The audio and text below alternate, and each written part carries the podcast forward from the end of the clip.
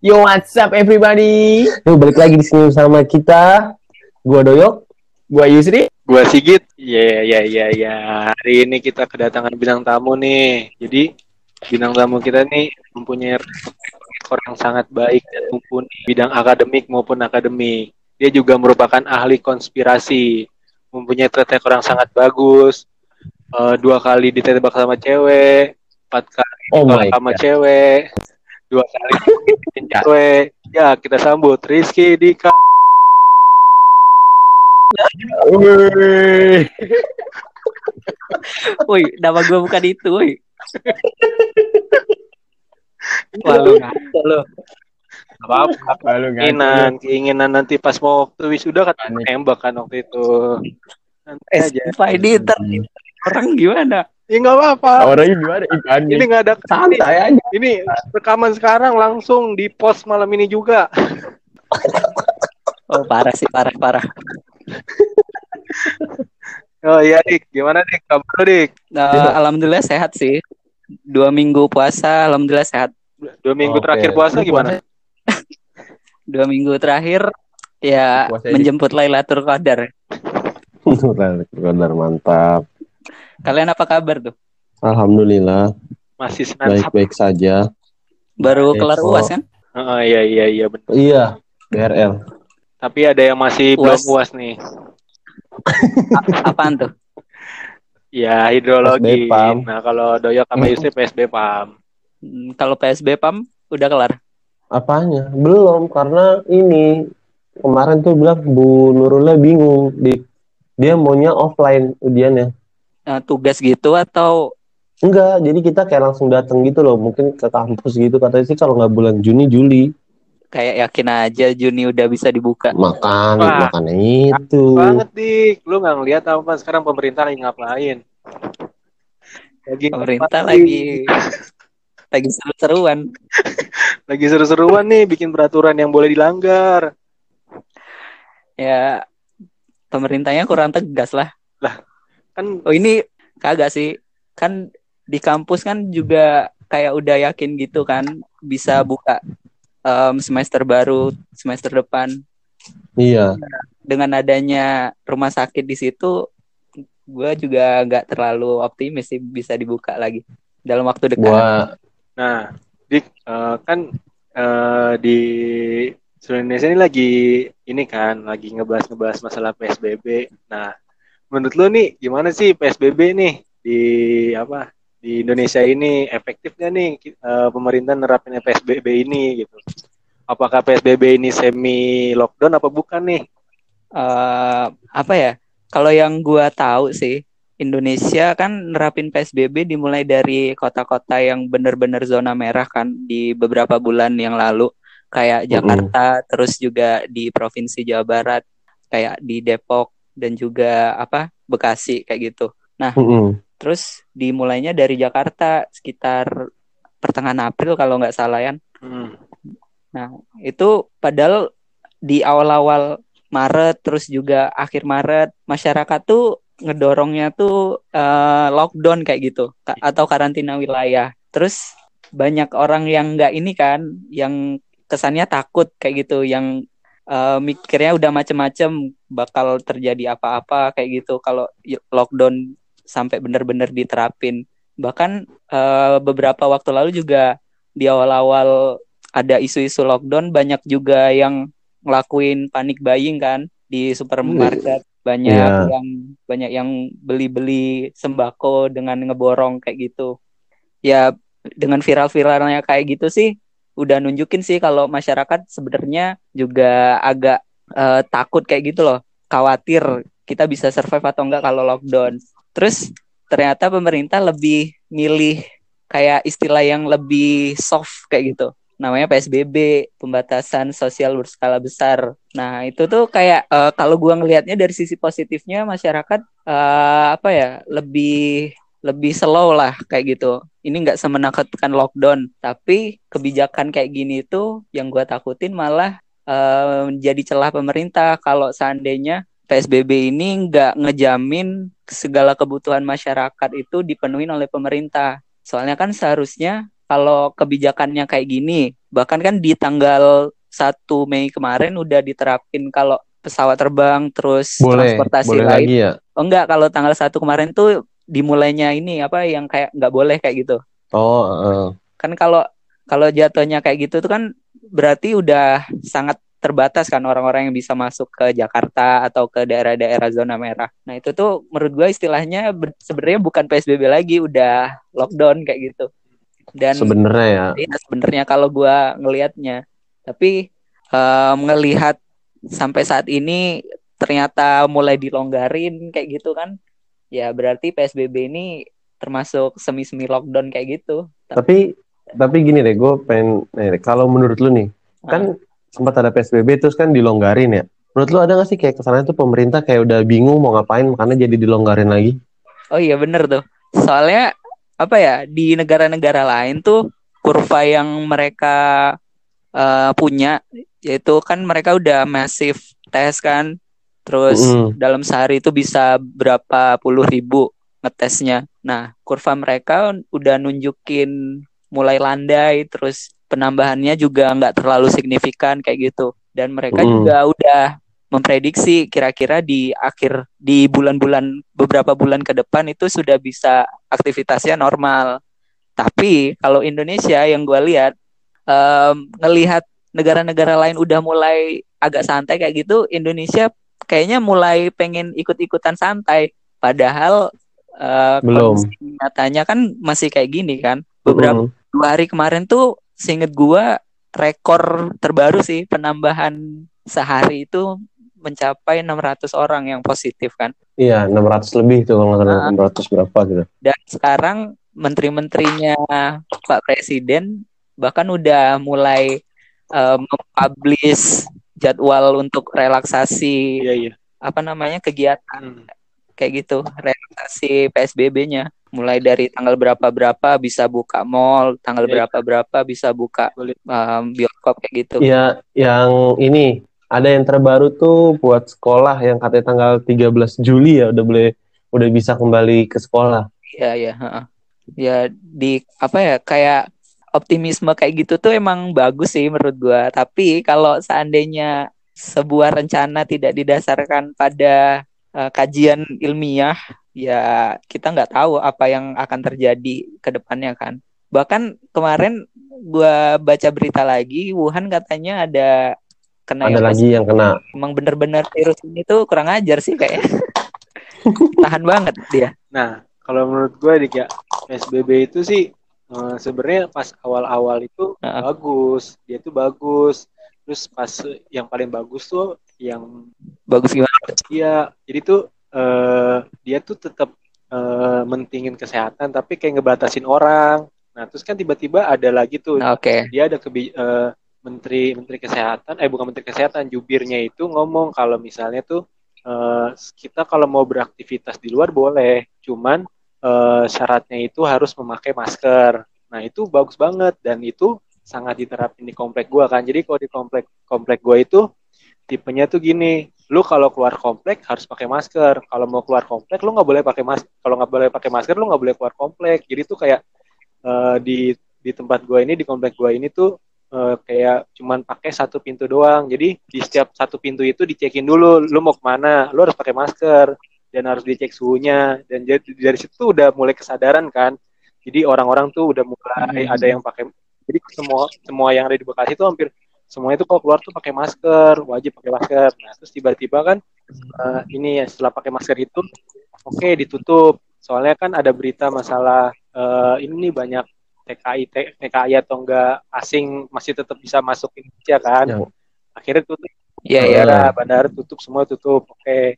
Nah, terus pas ditutup itu tiba-tiba ini kan ada yang ada yang mau dibuka lagi tuh sama Kementerian Perhubungan. Tapi sebelum dibuka itu Heeh. gue tuh udah ngeliat waktu itu kayak ada timelinenya dari Kementerian Perekonomian gitu kan. Dia tuh kayak ngantisipasi Iya itu. ha. antisipasi itu kayak takut tuh kalau misalnya ekonomi Indonesia tuh jatuh banget tuh. Jadi tuh gue di situ ngeliat tuh dari pas tanggal 4 4 Juni itu udah mulai eh, toko-toko yang ada di eh toko-toko atau enggak mall itu udah mulai buka tuh tanggal 4 Juni. Nah, nanti abis tanggal Iya. itu ta- tanggal 8 tuh ada lagi tuh apa eh, retail atau enggak makanan nanti seterusnya tuh berlanjut berlanjut. Tapi itu setiap seminggu sekali itu katanya dievaluasi. Itu menurut gua. Sebenarnya tuh dia tuh konsepnya agak bagus. Cuman kadang suka udah kita tuh udah udah optimis. Eh terpleset. Udah optimis terpleset. Sekarang ini mungkin kalau udah mau katanya apa kalau katanya si Mbak Nana ini kan katanya ini masalah relaksasi relaksasi relaksasi. Ini kan Banana Bisa, siapa nih? Iya. Hasna Hasna Asna. Wah. Iya pokoknya masalah relaksasi relaksasi itu lah. Nah itu menurut gua kalau relaksasi relaksasi itu terlalu ini banget sih, terlalu dini gitu. Soalnya ini tuh kurvanya bener belum bener-bener naik dan Indonesia kan masih jauh banget kan Jauh. untuk eh, apa tes Covid. tes perharinya itu jauh banget kan harusnya berapa ribu ya. Dia Indonesia tuh baru berapa gitu kalau nggak salah ya nggak sih? Iya, betul. Nah. Tapi menariknya tuh di Jakarta kurvanya itu landai gitu. Yang Dan ber- penambahan signifikan tuh di provinsi-provinsi lain. Itu Yang artinya, yang naik. Heeh, itu artinya orang-orang yang balik beberapa minggu yang lalu itu udah berhasil bawa virus. Bawa virus. menyebarkan. menyebarkan Oh, virus. jangan-jangan iya, eh, jaringan. Intel orang-orang itu. Bisa jadi tuh. Tapi kemarin tuh gue sempat lihat berita sih. Jadi berita yang di TV itu eh, kesembuhan di Indonesia tuh pernah tuh hampir serat, hampir 150 apa 200 tuh sekian. 150. Nah, tapi Hari hari ini 200 sih. oh hari ini 200-an. Pokoknya berapa hari yang lalu tuh Iya. 100 150 apa 200 gitu. Nah, terus eh, di Twitter tuh ada yang nge-tweet. Ini kayak akun-akunnya Persija gitu. Dia ngasih tahu websitenya si Jakarta. Si ini kan Jakarta kan punya COVID gitu kan. COVID Jakarta apa gitu kan ya. Nah, di situ tuh Iya, kesembuhannya tuh 500.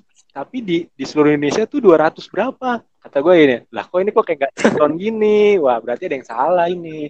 Emang kata pakar-pakar kan eh, data-datanya emang banyak yang gak valid Hmm. kan. Banyak yang nggak Kalau sesuai. menurut gua emang kalau Itu menurut gua sih emang kayaknya ini ada permain ada bukannya seuzon atau apa ya.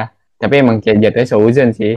Kayaknya tuh ada ada kayak ya sedikit permainan sih gitu mungkin ya. Ya apa? mungkin untuk eh, kepentingan bisnis bisa kayak kayak Elit kayak global. bisnis apa misalnya kayak bisnis perusahaan nih kan eh, udah nggak jalan-jalan nggak dapat apa nggak dapat penghasilan juga kayak mungkin yang punyanya udahlah PSBB apa namanya eh, udahin aja saya bayar segini nanti tapi PSBB-nya udahin di daerah ini mungkin nggak kayak gitu Hmm, kalau kayak gitu sih menurut gua mungkin sih. Soalnya ya udah bisa dilihat sih beberapa industri yang bener-bener kayak mati total kayak gitu. Terutama industri-industri yang eh, tersier kayak gitu bukan kebutuhan primer ataupun sekunder manusia dan kayak industri eh, hiburan Hmm. terus perhotelan kayak gitu tuh kan bener-bener off kan dan Iya. dan industri kayak gitu tuh pasti yang paling terakhir pulih sih kalau dari pandemi ini. Nah, kayak gitu kemungkinannya bisa terjadi sih Yus, tapi saya tidak bisa Iya, memberikan data sama. apa-apa. Soalnya kan itu di Wah. bawah kolong meja kan. Oh my god. Emang industri yang tersier tuh contohnya Ini apa sih? Apa industri TA gua Ya produksi. Ya, itu kan Beda pokok, dong. tapi sudah tutup Oh iya iya. Beneran tutup. tutup dia nggak bu dia nggak buat Serius? dia nggak bisa Jadi lu nggak nggak maksudnya jadi lu nggak bisa lanjut tutup dalam sementara waktu doang nggak permanen suwe TA gua Oh. ntar nggak jalan-jalan suwe lu Oh kirain. Ini ya spare part spare part gitu tuh udah mulai pada tutup ya gara-gara di luar negerinya lockdown juga jadi nggak bisa ngirim ya itu juga ya. itu juga iya sama kan kebijakan dari pemerintah juga kan eh, apa namanya nggak boleh nggak boleh beroperasi kalau beroperasi nanti disegel iya Iya, iya. Oh iya itu udah ada Iya. beberapa perusahaan kan yang dikasih iya soalnya segelnya segel kayak gitu. QB jadi nggak ada yang bisa buka Oh tetap aja. QB. Tapi gue sempat bingung deh Nah, sama itu yang juga kemarin kejadian di McD Sarina. Nih kan kan sekarang gini, di situ kan ada kerumunan massal ya. Mm-mm. Nah kenapa malah McD Sarinahnya yang kena denda. Padahal kan McD Sarinah di situ tidak ada mengundang masyarakat untuk Kalau datang. dia tidak mengundang. Dia lah ya, ya sekarang ya emang gak ada bukti sih, tapi dia kan cuma bilang kayak gue pengen tutup nih tanggal segini pada jam segini.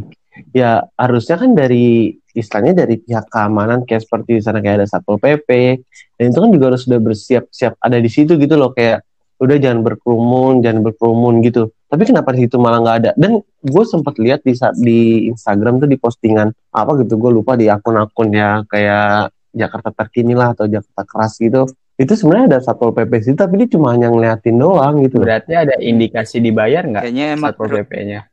Harus viral dulu sih baru mau ditegakin. makanya itu nah kalau dibayar gitu kurang tahu deh guys nggak berani ngomong lah gue nggak ada datanya Eh, Nanti bisa nih, podcast kolang Iya. kaling hilang. Di disegel. segel cube.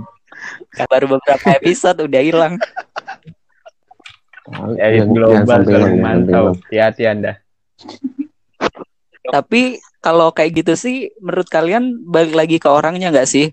Kalau mau support dengan social distancing, terus mau support kebijakan PSBB kayak gini, itu benar-benar dari orangnya. Kalau seandainya dia punya niat yang baik buat support biar ngilangin pandemi ini, ya pasti nggak bakalan berkerumun kayak gitu kan. Mungkin mereka bakalan kayak kalian-kalian lebih mending stay di rumah di Bekasi, di Depok, Yo eh. kayak gitu kan. Iya juga bener sih kayak balik lagi ke individunya masing-masing ya mereka lebih apa ya lebih senang menggadaikan kenangan mereka daripada kesehatan kayak gitu Tapi mungkin tapi mungkin Tuh, juga uh, miris. kita sekali harus keluar dik. Soalnya gue Biar sekarang apa tuh? merasa diri gue tuh kayak vampir. kenapa Lihat Bang? matahari Takut tuh yang kepala gue. jangan kebanyakan rebahan ngeliat matahari Iya. kayak an- kayak aneh ya ngeliat matahari ya Bye-bye lu ntar matahari terbitnya Eh, dari sebelah kan. mana tuh? Enggak jangan dulu dong. jangan dulu. konyol banget Nah, gara-gara sebelum lu tidurnya jam 7 pagi, kan lu tidur jam 7 pagi mulu. Coba lu keluar Iya dulu, sih. lihat dulu matahari dari Iya ntar dah mana. gue cek. Bahaya juga ya. yo iya Tapi dik menurut lu tapi komen- komen-komen di Instagram kayak gitu kan kayak di eh, ngelihat orang-orang di Sarina terus juga di bandara kayak gitu terus kayak komen-komen netizen tuh kayak Iya. gerem banget kayak gitu kan iya. nah ini Iya. gimana nih gua udah susah-susah di rumah kayak gitu terus orang-orang kayak gini malah makin lama PSBB-nya Jadi menurut kalian gimana dengan dengan orang-orang yang kesel itu nggak bisa disalahin. Mereka benar juga. gimana ya? Ibaratnya tuh mereka kayak berjuang sendiri. Rudial sendiri. Kayak lu nih ya udah gini aja deh. Lu kayak lagi apa kerja kelompok nih. Lagi kerja kelompok. Lu udah buat lu udah buat laporan. Terus tiba-tiba laporan lu diubah sama satu orang. Weh, tugas enggak, tugas Abdal bukan. Saya tidak bilang itu tugas Amdal. Oh iya. Bukan. Oh bukan Amdal. Apa? PTBR oh Eh. bukan apalagi ya mata kuliahnya apalagi ya hmm, sampai ada elit global yang mendengar ini Andika Yoga oh oh iya eh kan gue yang menebak Enggak. Tadi katanya Amdal bukan ya kan ya kan PTBR nggak bukan semua apalagi ini ya kan bisa begitu enggak Heeh. oh kan siapa tahu takutnya doang. gitu ya doang kan oh. Iya.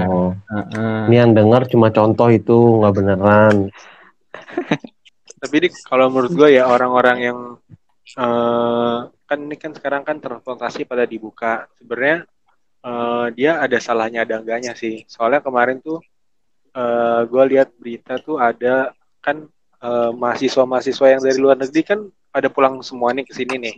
Pada pulang semua Hmm. ke Indonesia. Nah, pasti kan otomatis dia di ke Jakarta dulu kan, baru ke daerah-daerahnya kayak Makassar, Surabaya atau dan lain-lainnya. Nah, dia tuh iya ya ada yang sempat ketahan di Jakarta selama empat hari. Nah, pas ketahan empat hari itu pas banget bandaranya ditutup. Jadi dia tuh kayak di Jakarta tuh empat hari udah nggak bisa ke mana-mana lagi. Makanya tuh eh, kayak Menteri Perhubungan itu berinisiatif untuk membuka eh, transportasi lagi. Itu salah satunya itu kan. Salah Hmm. satunya itu. Terus juga eh, kan sekarang kan eh, banyak kayak perusahaan-perusahaan minyak itu kan uh, tetap ngejalanin bisnisnya tuh ya. Soalnya kan katanya kan kalau misalnya uh, bor sumur itu kalau misalnya ditinggalin atau enggak ber, atau enggak enggak beroperasi itu kan pasti bakalan buruk atau enggak jelek kan.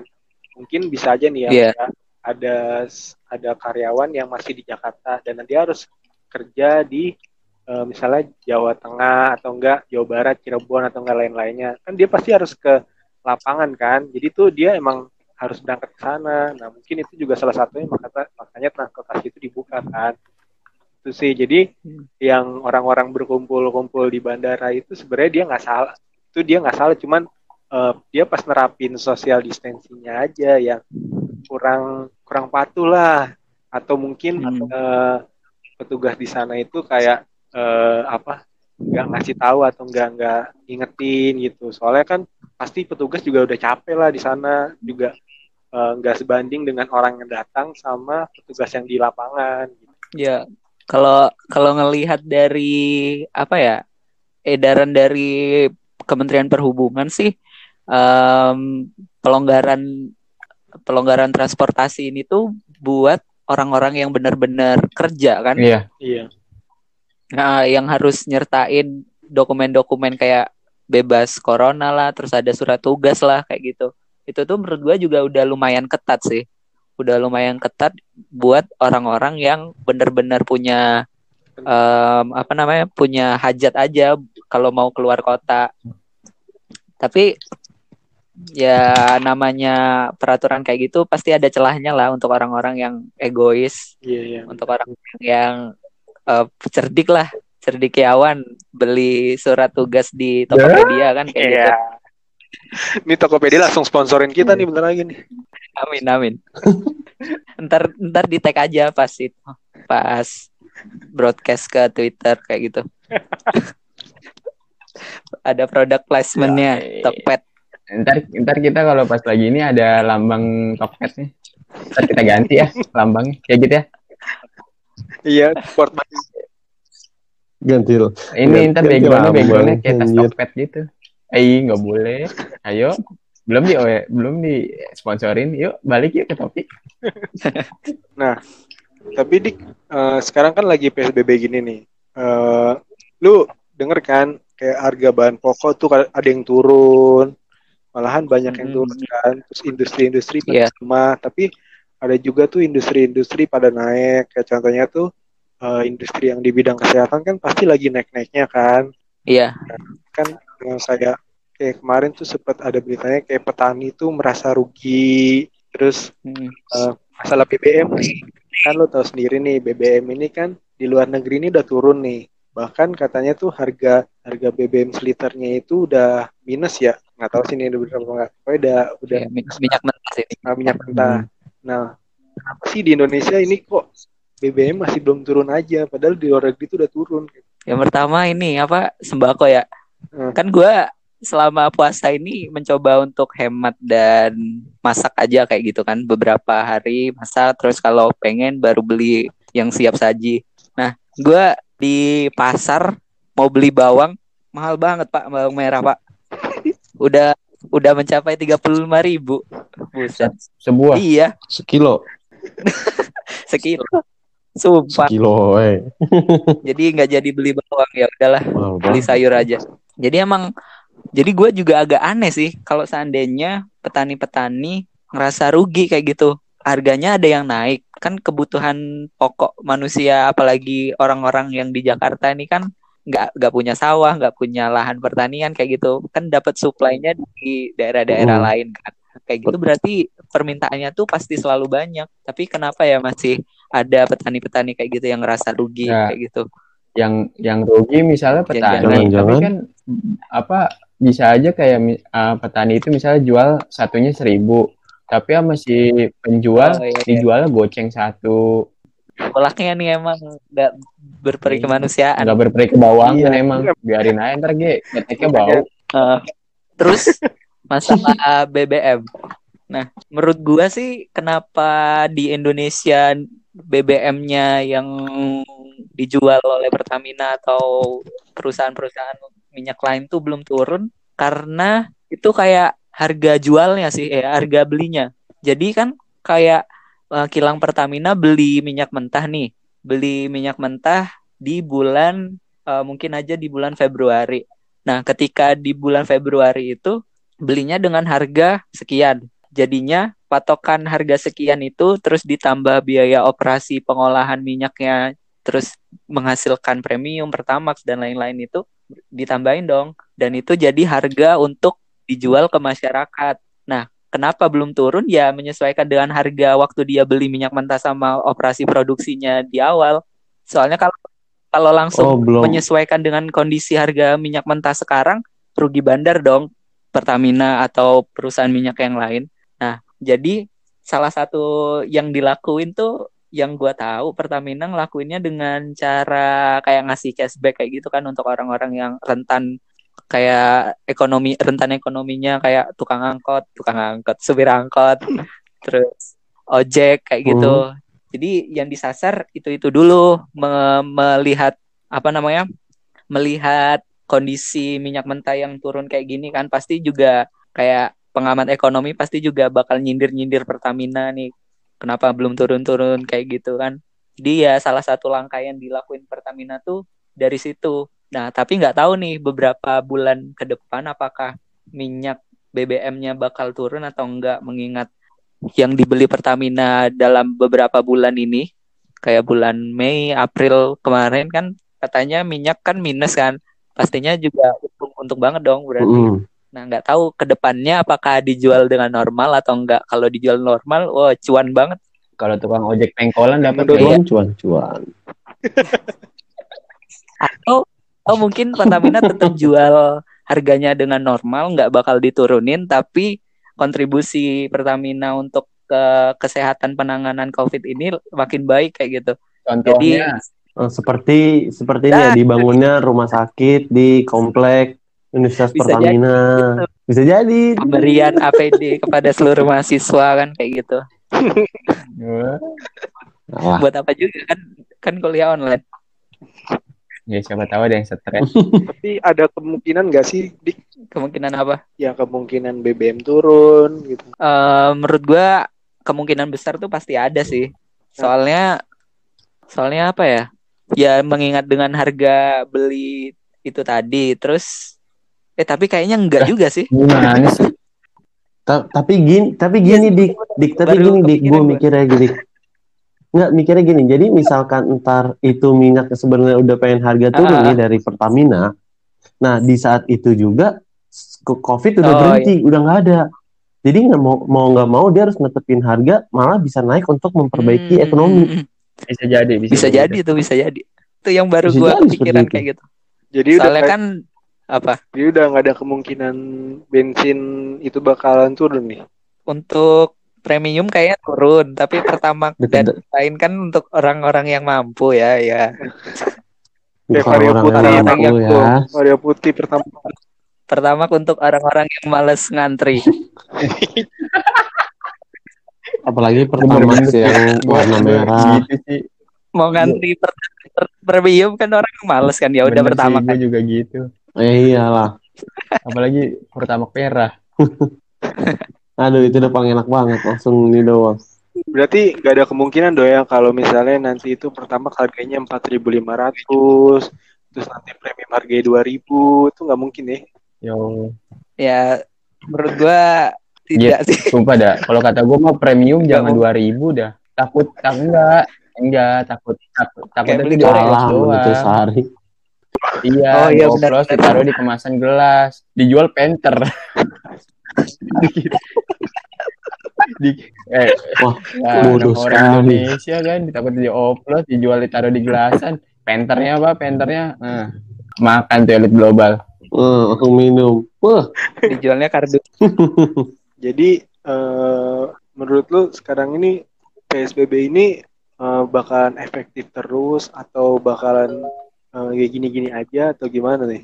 Kalau PSBB Jakarta sih, PSBB Jakarta di jadwalnya itu 21 Mei bakalan berakhir kan, tapi nggak tahu ke depannya bakal ditambah lagi durasinya atau enggak kan sama Pak Anies Baswedan.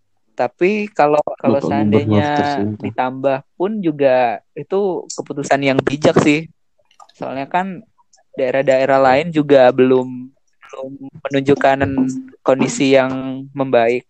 Jadi semakin kita mengurangi pergerakan orang-orang dari zona merah itu bisa mengurangin potensi semakin menyebarnya virus ke desa-desa. Soalnya kan rentan banget kan untuk orang-orang tua terus anak-anak muda Iya. yang penyakitan kayak gitu kan kasihan. Tapi sekarang malahan mau diizinin nih an- eh, orang yang berumur kurang dari Nah, iya. 45 tahun Udah. boleh bekerja. Mana tuh? Nah, itu bener-bener ini sih. Kayaknya pemerintah mencari titik tengah antara penanganan kesehatan sama stabilitas ekonomi sih. Jadi orang-orang bisa survive secara ekonomi dan juga bisa sehat. Caranya ya orang-orang di bawah umur 45 tahun boleh kerja tapi tetap menuruti protokol kesehatan kan, kayak pakai masker terus juga kalau seandainya pekerjaan bisa dilakukan di rumah tetap work from home. Terus apa pembatasan beberapa orang aja di dalam suatu ruangan kayak gitu. Itu benar-benar kayaknya pemerintah concernnya sekarang di situ. Tapi nggak tahu sih beberapa bahkan yang gua nonton di Mata Najwa tuh dari opininya Pak Faisal Basri itu kan dia pengamat ekonomi kan. Dia nganggapnya harus selesaiin pandemi dulu, selesaiin masalah kesehatan dulu, baru ekonomi. Soalnya kan eh, ekonomi bisa pulih kan, tapi kalau nyawa kan nggak bisa pulih. Susah. Nah iya, Bukan susah, nggak bisa sih. Nah, jadi ya gitu sih. Berarti ini salah satu kayak ini nggak sih istilah dari herd immunity itu bukan sih? Nah, herd, immunity itu tuh gue juga baru denger pas ada eh, pas ada isu-isu relaksasi sih. Kayak apa sih itu Iya. ngorbanin orang ya? Ngorbanin orang biar imunnya kuat kayak gitu. Gimana sih? Nah, kalau misalnya di London itu eh, yang gue baca dia udah udah waktu itu nerapin, tapi nggak berhasil. Kayak eh, malahan tuh warganya itu malah tambah banyak yang terpapar virus kan. Akhirnya dia lebih baik lockdown aja. Cuman ada salah satu negara katanya yang berhasil kayak Swedia. Jadi itu semacam Mhm. kayak eh, orang udah disebar aja kayak biasa beraktivitas biasa. Eh, kayak eh, lu ayo siapa kuat-kuatan siapa nih yang paling kuat? Ya udah yang paling kuat itu yang paling bertahan yang paling gak kuat ya udah meninggal gitu jatuhnya sih. Kasarnya gitu cuman Seleksi, Gitu seleksi alam tuh kayak gitu. iya emang gitu seleksinya alam. Kayak udah bodo amat gitu kayak siapa nih yang kuat? Siapa yang eh, rajin bersih bersih siapa yang rapin protokol kesehatan nah itu yang bakal bertahan tapi yang nggak rapin seperti itu ya bakal tumbang-tumbang juga karena imunnya nggak kuat gitu sih Udah paling bener tinggal di Tapi- gunung sih emang. Tapi kalau menurut gue emang sebenarnya eh, teori itu lurus lurus lurus aja sih Git. Masuk Masuk akal ya. lurus. Iya masuk akal kayak kayak sekarang aja sebenarnya lu mau PSBB mau PS, PSBB selama 4 semester juga kayak ya lu nggak kalau misalnya lu nggak tahu virus ini eh, matinya karena apa ya bakal ada terus ini virus. WHO aja Kayak udah angkat tangan sih. apa kayak ya udah muter-muter aja di situ. Kayak misalnya PSBB selesai. Terus eh, ada yang terkena PSBB lagi. Nyebar lagi. Nyebar lagi ya? PSBB lagi. Ya udah gitu-gitu aja terus. Berarti kuncinya emang vaksin sih. Kalau vaksinnya ditemuin ya orang Enggak. kalau seandainya ada yang satu kena langsung Anda disuntik DRX vaksin. ya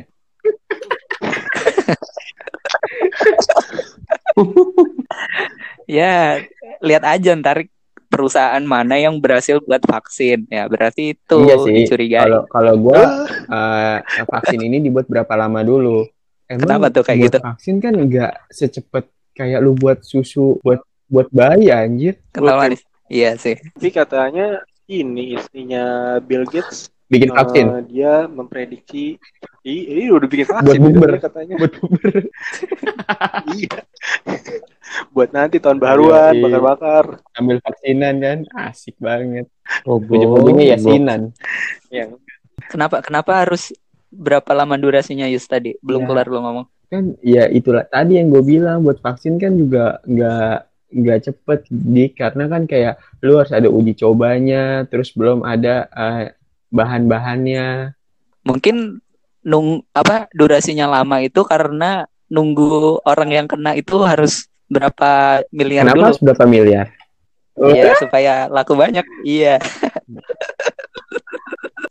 iya, Supaya nggak sia-sia dia bikin. Hmm, biar cuan. Dia juga mau untung. kalau mau untung mending jualan ke cimpring Cuan, sama kamus. cuan. Iya. Ya, Yo eh Hmm, kecimpring family. tapi itu kalau mau mikir negatifnya sih. Kalau berpikir positif ya takdir lah inilah. Jadi misalnya nih eh, nanti misal eh, Indonesia pengen nerapin kayak herd immunity.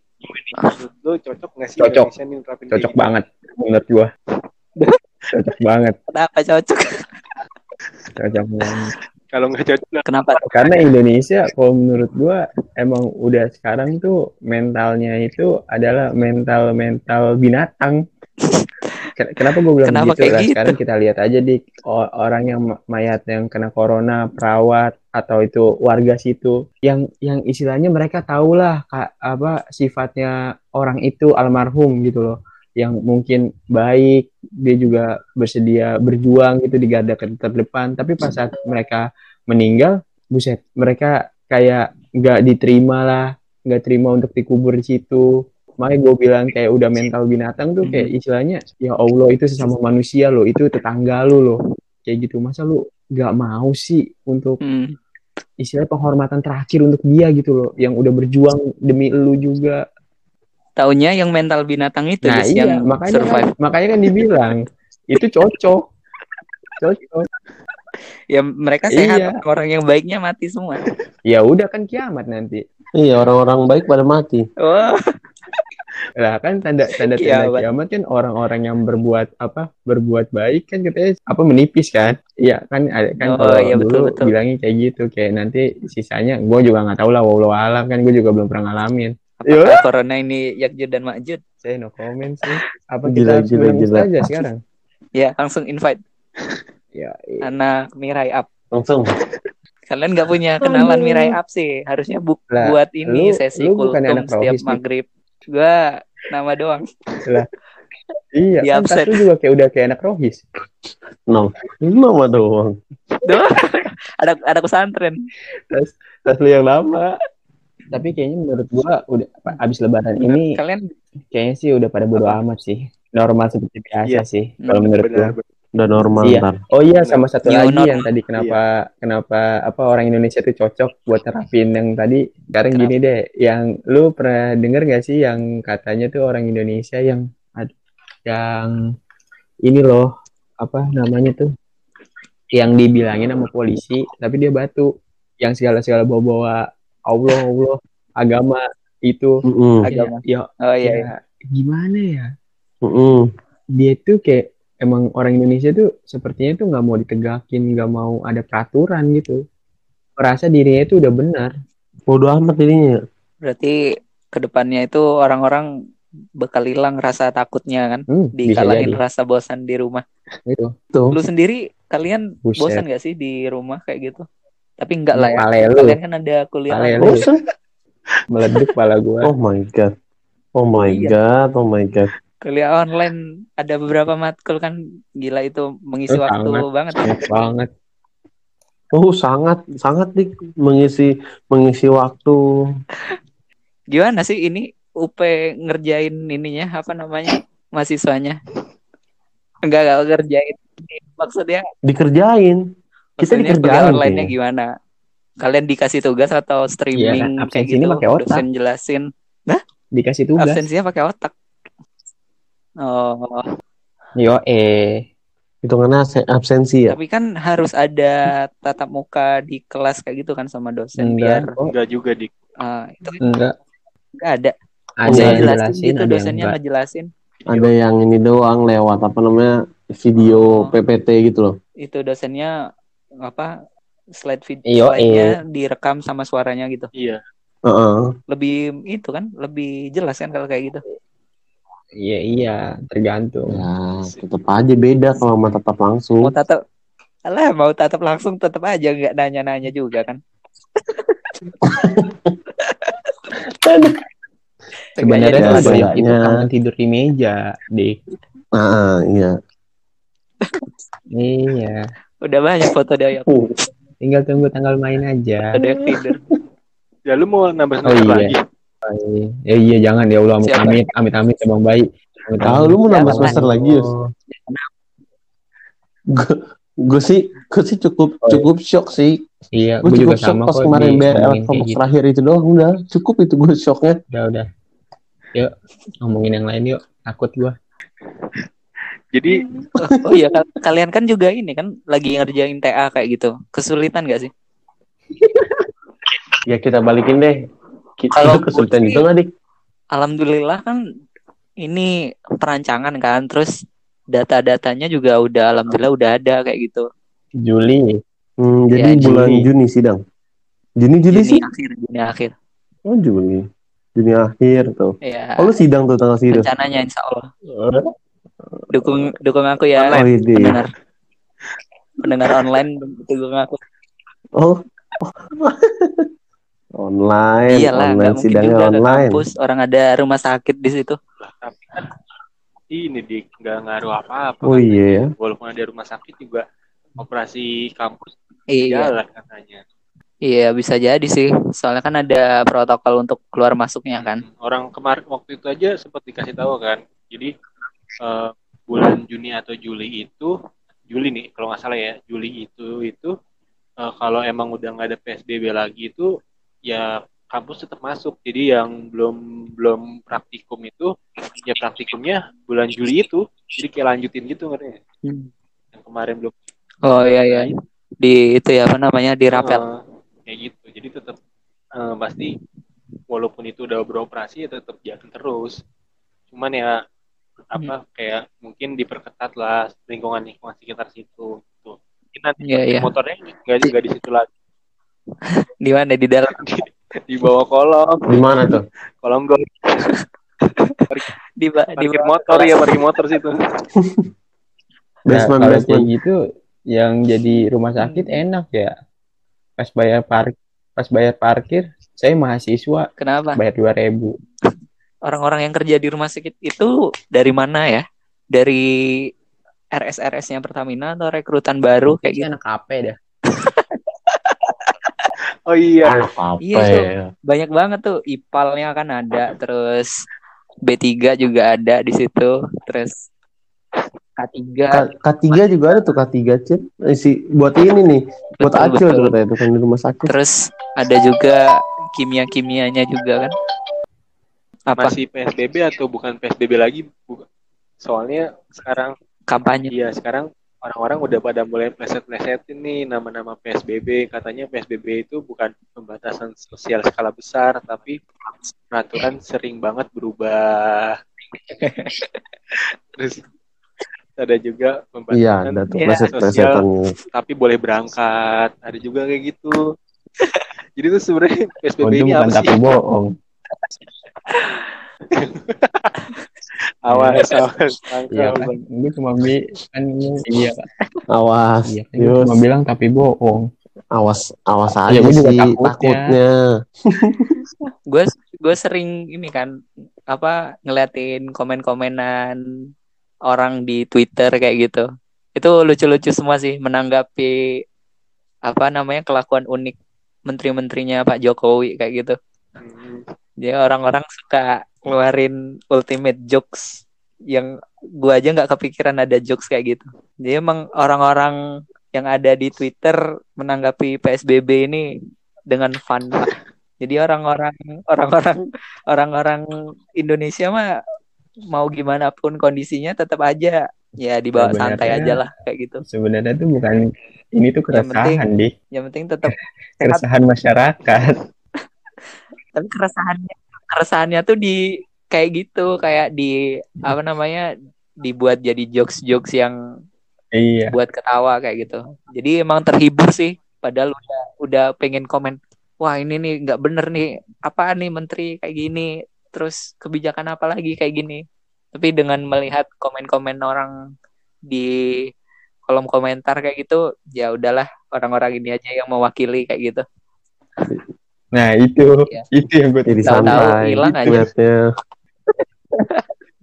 gue terkadang tuh mau ngomenin mau ngomenin kayak gitu-gituan ya gue takut iya Takut hilang, takut hilang ya. Iya, lu, lu tahu nggak sih yang ini apa yang iya. polisi viral pacar kamu ganteng kayak iya bisa gini Heeh. nggak kayak gitu. Malah malah yang ini yang buat Iya. viral dilaporin. Iya, bener. iya iya Lah iya, Iya, katanya viral itu bukan, bukan di post di IG, eh bukan di post di mana sosial mana pun, sosial media mana pun, cuman di post di story WA gitu. Di Heeh. Malah nyebar. Tapi kan Tapi itu ada yang komen, Dik.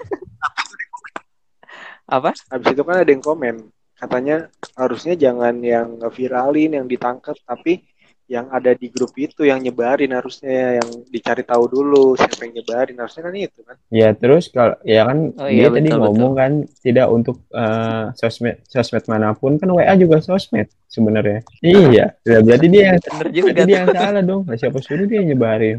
Aduh, iya siapa. Iya. iya. Harusnya tanggung dia deh sendiri nyebarin, dia sendiri Iya, nggak mau saya juga nggak berani komen banyak ini jadinya.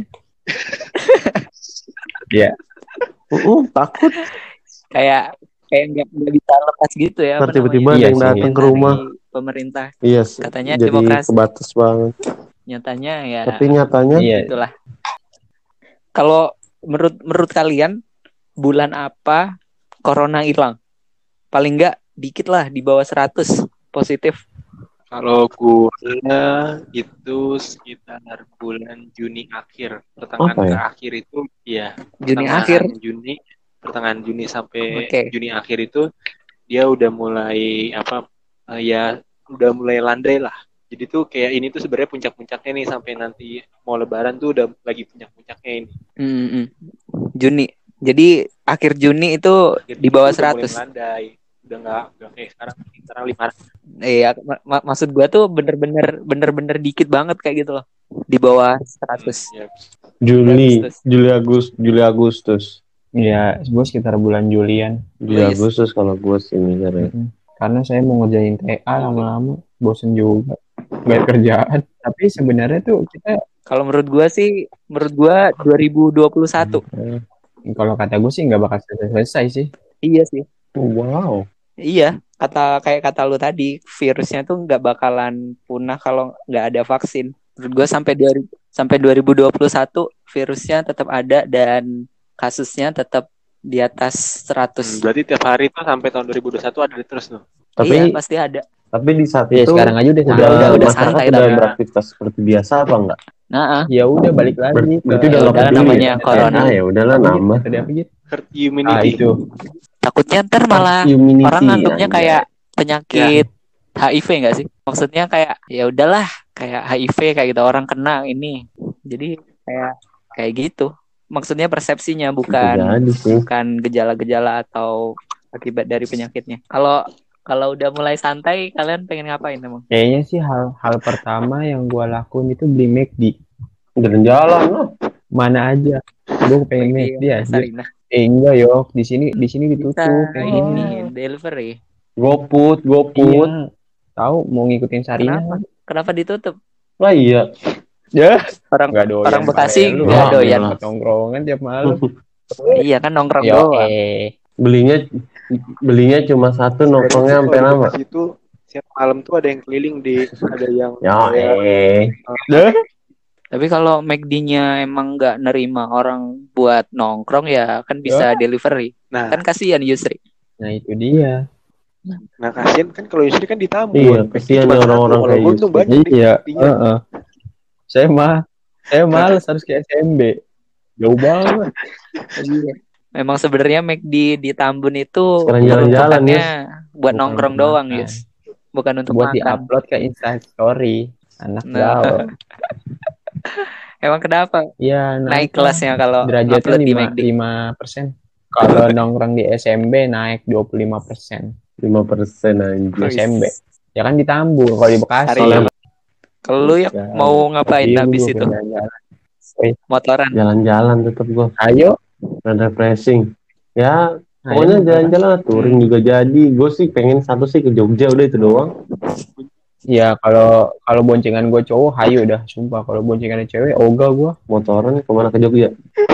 ya bukan bu, Kayaknya bukan yang nggak mau boncengin ya bukan yang nggak mau boncengin cuma kan Jogja jauh ya Heeh. terus mana mana kan pasti kan kalau cewek itu kan juga nggak mungkin kan kita minta eh gantian dong Mm, iya. kan nggak mungkin harga diri kita jatuh boy Ya Iya, nggak apa kalau kayak lu dia aja deh kuat. lu lu aja ke lu aja ke puncak aja nggak minta gantian kan dulu kan minta gantian sama gua kan Hmm. Iyalah betul. iya Yang kan nggak ada Ya, sampai mau mati kan kita Betul banget. Kalau lu git pengen ke mana gitu? sih Pengen ngapain? pengennya hidup kayak normal lagi aja beraktivitas seperti biasa iya Iya aktivitas Kalau lu apa? Kanterin orang. ya kalau ada kalau ada kerjaan ya kerja Eh. gue sih sebenarnya udah dapet Eh. tawaran interview kan dari sebelum puasa ini gue udah dapet cuman eh, interviewnya ditunda-tunda mulu kan sampai udah pernah interview online dan akhirnya emang harus interview langsung kan nah pas banget nih gue interview langsungnya itu setelah tanggal 25 Mei jadi gue berharapnya tuh setelah lebaran ini tuh ya udah kayak normal aja gitu jadi orang-orang udah bisa kayak beraktivitas biasa gitu kalau lu kayak gimana dik lu pengen Hmm. kangen siapa yang lu kangenin dik Kalau Oke. gua sih pasti Nonton yang pengen review nonton film sih. yang habis pulang dari wah baru gua mau ngomong kedengeran film dari apa. waduh. nanti kapan-kapan kita undang kita ketemu ngomong-ngomong bareng ya Tetap anjir, anjir. oke Nah, Mau-